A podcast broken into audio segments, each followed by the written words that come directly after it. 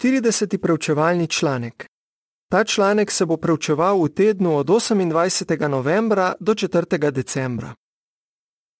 Mnogim pomagajo ravnati pravično. Tematski stavek: Tisti, ki mnogim pomagajo ravnati pravično, bodo kakor zvezde sijali večno, vso večnost.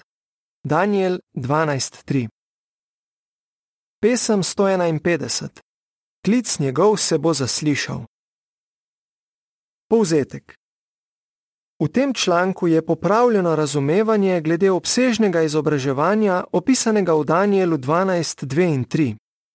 Videli bomo, kdaj bo to izobraževanje potekalo in kdo vse bo sodeloval. Spoznali bomo tudi, kako bo ljudi na zemlji pripravilo za zadnjo preizkušnjo ob koncu Kristusove tisočletne vlade. Odstavek ena vprašanje.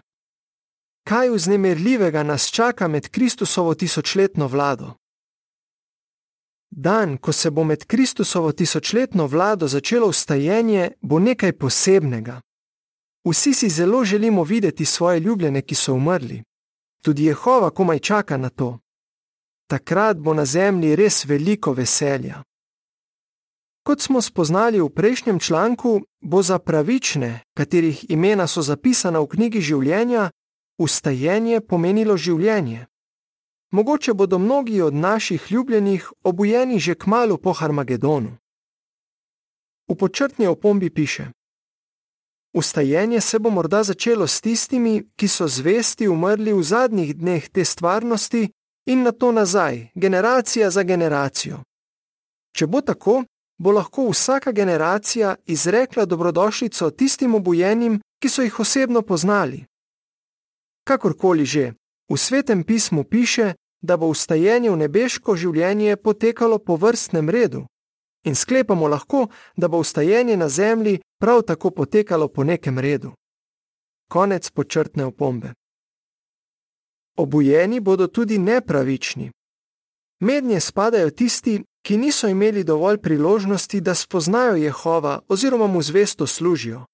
Za nje bo ustajenje pomenilo sojenje. Odstavka 2 in 3 vprašanje A.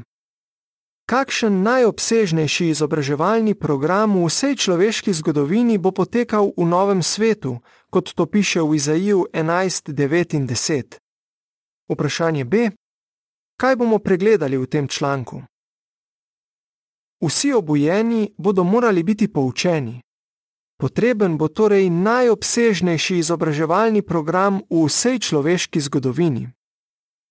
V Izaiju 11, 9 in 10 piše: Po vsej moji sveti gori ne bo nihče naredil nič hudega, niti zagrešil nič slabega, ker bo zemlja polna spoznanja o Jehovu, kakor so morske globine polne vode. Tisti dan bo Jesejeva korenina postavljena kot signalni drog ljudstvom. K njej se bodo narodi obračali po vodstvo in njeno prebivališče bo slavno. Zakaj? Med drugim zato, ker bodo morali biti nepravični, ki bodo obujeni, poučeni o Jezusu Kristusu, Božjem kraljestvu, odkupnini in spornem vprašanju glede Jehovovega imena in vrhovnosti. Celo pravični bodo morali več izvedeti o tem, kar je Jehova postopoma odkrival glede svojega namena z zemljo. Nekateri od teh zvestih posameznikov so umrli veliko prej, preden je bilo napisano celotno svetopismo. Tako nepravični kot pravični se bodo morali veliko naučiti. V tem članku bomo odgovorili na naslednji vprašanji: Kako bo obsežno izobraževanje potekalo? Kako bo vplivalo na to, ali bo ime nekega posameznika trajno zapisano v knjigi življenja ali ne. Odgovori na ti vprašanji so pomembni za nas danes. Kot bomo videli, nam nekatere prerogbe iz Danielove knjige in knjige Razodetje pomagajo bolj pravilno razumeti, kaj se bo zgodilo, ko bodo mrtvi obujeni. Najprej poglejmo vznemirljive dogodke, ki so napovedani v prerogbi iz Daniela 12, 1 in 2. Mnogi od teh, ki spijo v zemlji, se bodo prebudili. Odstavka 4 in 5 vprašanje. Kaj iz Daniela 12.1 izvemo o času konca? V Danielu 12.1 piše: Takrat pa bo ukrepal Mihajl, veliki poglavar, ki dela v korist tvojega ljudstva. Nastopil bo čas stiske, kakršne še ni bilo, odkar so narodi, pa vse do danes. In takrat bo tvoje ljudstvo rešeno, vsak, ki ga bodo našli zapisanega v knjigi. Danielova knjiga razkrije, kako si bodo sledili nekateri dogodki v času konca. Iz Daniela 12.1 naprimer izvemo, da Mihajl oziroma Jezus Kristus dela v korist tvojega, božjega ljudstva. Ta del prerogbe se je začel izpolnjevati leta 1914, ko je bil Jezus v nebesih postavljen za kralja Božjega kraljestva. Vendar je Daniel napovedal, da bo Jezus delal v korist Božjega ljudstva tudi v času stiske, kakršne še ni bilo, odkar so narodi pa vse do danes. Ta čas stiske ustreza veliki stiski, omenjeni v Mateju 24:21. Jezus bo delal v korist Božjega ljudstva tako, da ga bo ob koncu časa stiske oziroma v Harmagedonu branil. V knjigi Razodetje so ti omenjeni kot velika množica, ki prihajajo iz velike stiske. Odstavek šest vprašanje.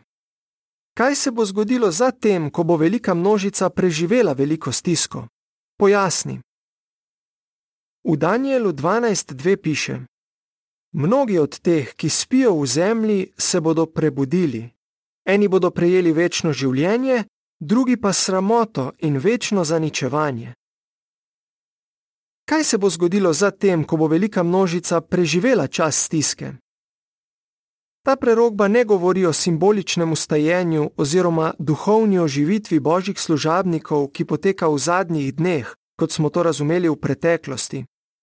Govori o ustajenju mrtvih, ki bo potekalo v novem svetu. Zakaj lahko to rečemo? Izraz, ki je tu preveden kot zemlja, je v Jobu 17:16 preveden kot prah, in iz sobesedila te vrstice se vidi, da se nanaša na grob. To pokaže, da Daniel 12:2 govori o dobesednem ustajenju, do katerega bo prišlo po koncu zadnjih dni in bitki Harmagedon.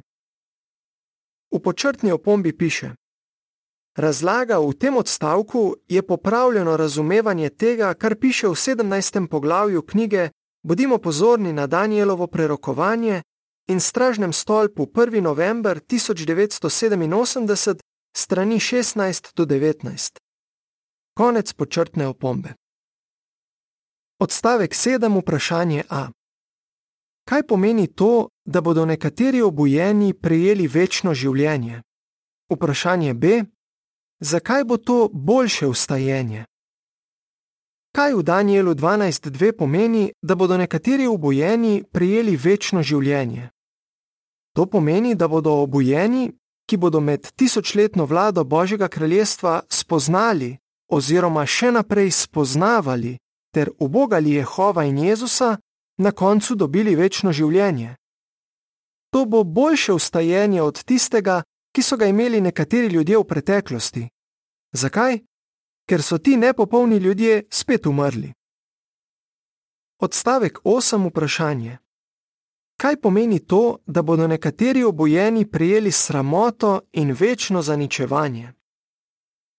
Vendar ne bodo vsi obojeni sprejeli Jehovovega izobraževalnega programa. Danielova prerogba pove, da bodo nekateri obojeni prijeli sramoto in večno zaničevanje. Ker bodo pokazali uporniškega duha, njihova imena ne bodo zapisana v knjigo življenja in ne bodo dobili večnega življenja. Prejeli bodo večno zaničevanje oziroma bodo uničeni. Daniel 12.2 torej govori o tem, kaj se bo na koncu zgodilo z vsemi obojenimi, odvisno od tega, kaj bodo delali po ustajenju. Nekateri bodo dobili večno življenje, drugi pa ne. V podčrtni opombi piše: V nasprotju s tem se izraza pravični in nepravični iz apostolskih del 24:15 in besede tisti, ki so delali dobro in tisti, ki so delali slabo iz Janeza 5:29, nanašajo na vedenje posameznikov, preden umrejo in so obujeni. Konec počrtne opombe. Mnogim pomagajo ravnati pravično. Odstavka 9 in 10 vprašanje. Kaj še se bo zgodilo po veliki stiski in za koga veljajo besede: Sijali bodo tako močno, kakor nebesno prostranstvo? V Danielu 12:3 piše: Tisti, ki bodo imeli uvid, bodo sijali tako močno, kakor nebesno prostranstvo, in tisti, ki mnogim pomagajo ravnati pravično, bodo kakor zvezde sijali večno, vso večnost. Kaj še se bo zgodilo po času stiske? Poleg Daniela 12:2, tudi tretja vrstica govori o nečem, kar se bo zgodilo po veliki stiski. Za koga veljajo besede: Sijali bodo tako močno, kakor nebesno prostranstvo? Namik najdemo v Jezusovih besedah, zapisanih v Mateju 13:43. Takrat bodo pravični v kraljestvu svojega očeta svetili tako živo, kakor sonce.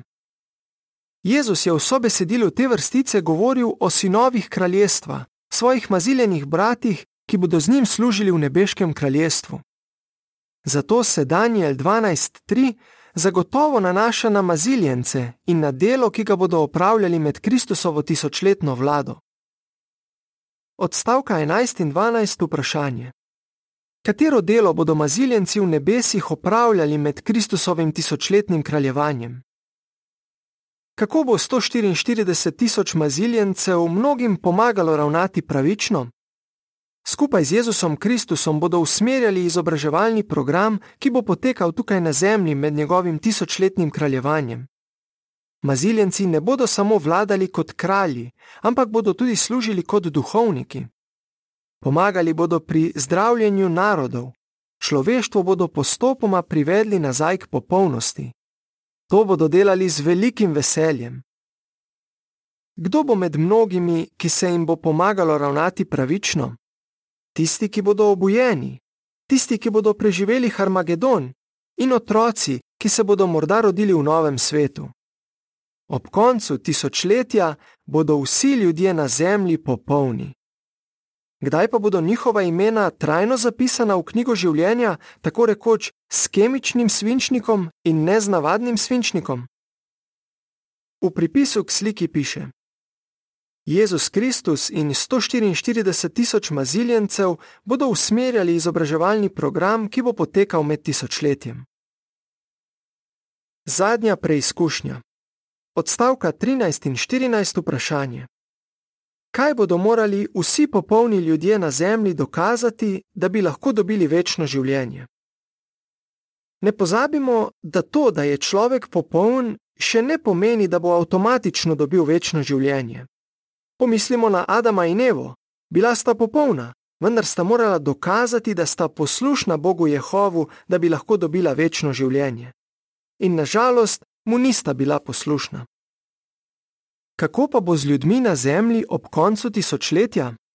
Vsi bodo popolni. Ali bodo vsi večno podpirali Jehovovo vladanje? Ali pa bodo nekateri kot Adam in Eva, ki sta postala neposlušna, čeprav sta bila popolna? Kako bo odgovorjeno na ti vprašanji? Odstavka 15 in 16 vprašanje A. Kdaj bodo vsi ljudje lahko dokazali, da so zvesti Jehovu? Vprašanje B kaj bo z ljudmi po zadnji preizkušnji. Satan bo zaprt za tisoč let, v tem času ne bo mogel nikogar zavajati. Ob koncu tisoč let pa bo izpuščen in bo skušal zapeljati popolne ljudi. Takrat bodo lahko jasno pokazali, na čigavi strani so v spornem vprašanju glede Jehovovega imena in vrhovnosti. Od tega, kako se bodo odločili, bo odvisno, ali bo njihovo ime trajno zapisano v knjigo življenja. Nedoločeno število ljudi bo posnemalo Adama in Evo in bo zavrnilo Jehovovo vladanje. Kaj se bo z njimi zgodilo? V razodetju 2015 piše: V ognjeno jezero pa so bili vrženi tudi vsi tisti, ki niso bili zapisani v knjigi življenja. Ti uporniki bodo torej za večno uničeni, ampak večina popolnih ljudi bo prestala zadnjo preizkušnjo. Zatem bodo njihova imena trajno zapisana v knjigo življenja. V času konca. Odstavek 17. vprašanje. kaj je angel rekel Danielu glede našega časa. Daniel 12:4 in 8 do 10. Res je razburljivo razmišljati o teh prihodnjih dogodkih. Vendar je Daniel od angela dobil tudi nekaj pomembnih informacij glede našega časa, časa konca. V Danielu 12:4 piše: Ti pa, Daniel, poskrbi, da bodo te besede ostale skrivnost in zapečati knjigo do časa konca. Mnogi jo bodo preiskovali in pravo spoznanje se bo pomnožilo. Od 8 do 10 vrstice piše: Jaz sem to slišal, vendar nisem mogel razumeti, zato sem vprašal: Moj gospod, kako se bo vse to končalo? Odgovoril mi je: Pojdi, Daniel. Te besede morajo namreč ostati skrivnost in biti zapečatene do časa konca. Mnogi se bodo očistili, pobelili in prečistili. Hudobni pa bodo ravnali hudobno, in nihče od njih ne bo razumel teh besed, toda tisti, ki bodo imeli uvid, jih bodo razumeli. Angel mu je rekel: Pravo spoznanje se bo pomnožilo. In res, danes božje ljudstvo preroške besede iz njegove knjige še bolj razume. Angel je še rekel, da bodo v tem času hudobni ravnali hudobno in nihče od njih ne bo razumel teh besed. Odstavek 18. vprašanje: Kaj se bo kmalo zgodilo s hudobnimi? Danes je morda videti, da lahko hudobni počnejo slabe stvari brez kazni. Toda Jezus bo kmalo sodil te kozlom podobne ljudi in jih ločil od tistih, ki so podobni ovcam. Ti hudobni ne bodo preživeli velike stiske, niti ne bodo obujeni v novem svetu. Njihovih imen ne bo v spominski knjigi omenjeni v Malahiju 3:16. Odstavek 19. vprašanje: Kaj moramo zdaj dokazati in zakaj? Malahija 3:16 do 18. Zdaj je čas, da dokažemo, da ne spadamo med hudobne. V Malahiju 3:16 do 18 piše: Takrat so tisti, ki globoko spoštujejo Jehova, govorili drug z drugim, vsak svojim prijateljem. Jehova je bil pozoren na njihove besede in je poslušal, kaj govorijo. Pred Jehovom je bila napisana spominska knjiga z imeni tistih, ki ga globoko spoštujejo, in tistih, ki premišljujejo o njegovem imenu. Ti bodo postali moji, ko jih bom naredil za svojo posebno lastnino, govori Jehova nad vojskami. Usmilil se jih bom, tako kot se oče rad usmili svojega poslušnega sina. Spet boste videli razliko med pravičnim in hudobnim, med človekom, ki služi Bogu, in človekom, ki mu ne služi. Jehova zbira tiste, na katere gleda kot na posebno oziroma dragoceno lastnino. Gotovo si želimo biti med njimi. Odstavek 20. vprašanje. Katero obljubo je Jehova na koncu dal Danielu in zakaj se veseliš izpolnitve te obljube? Res živimo v posebnem času, toda še več zanimivega nas čaka. Kmalu bomo videli, kako bo odstranjena hudobija. Zatem bomo priča izpolnitve obljube, ki jo je Jehova dal Danielu. Na koncu dni boš ustal, da prejmeš svoj delež. Daniel 12:13. Ali hrepeniš po dnevu, ko bodo Daniel in tvoji ljubljeni ustali od mrtvih?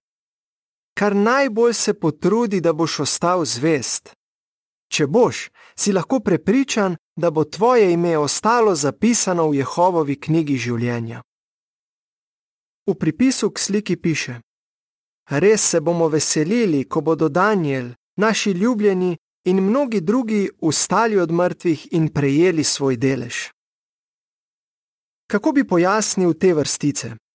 Daniel 12:1, Daniel 12:2 in 3, Daniel 12:4 in 8 do 10.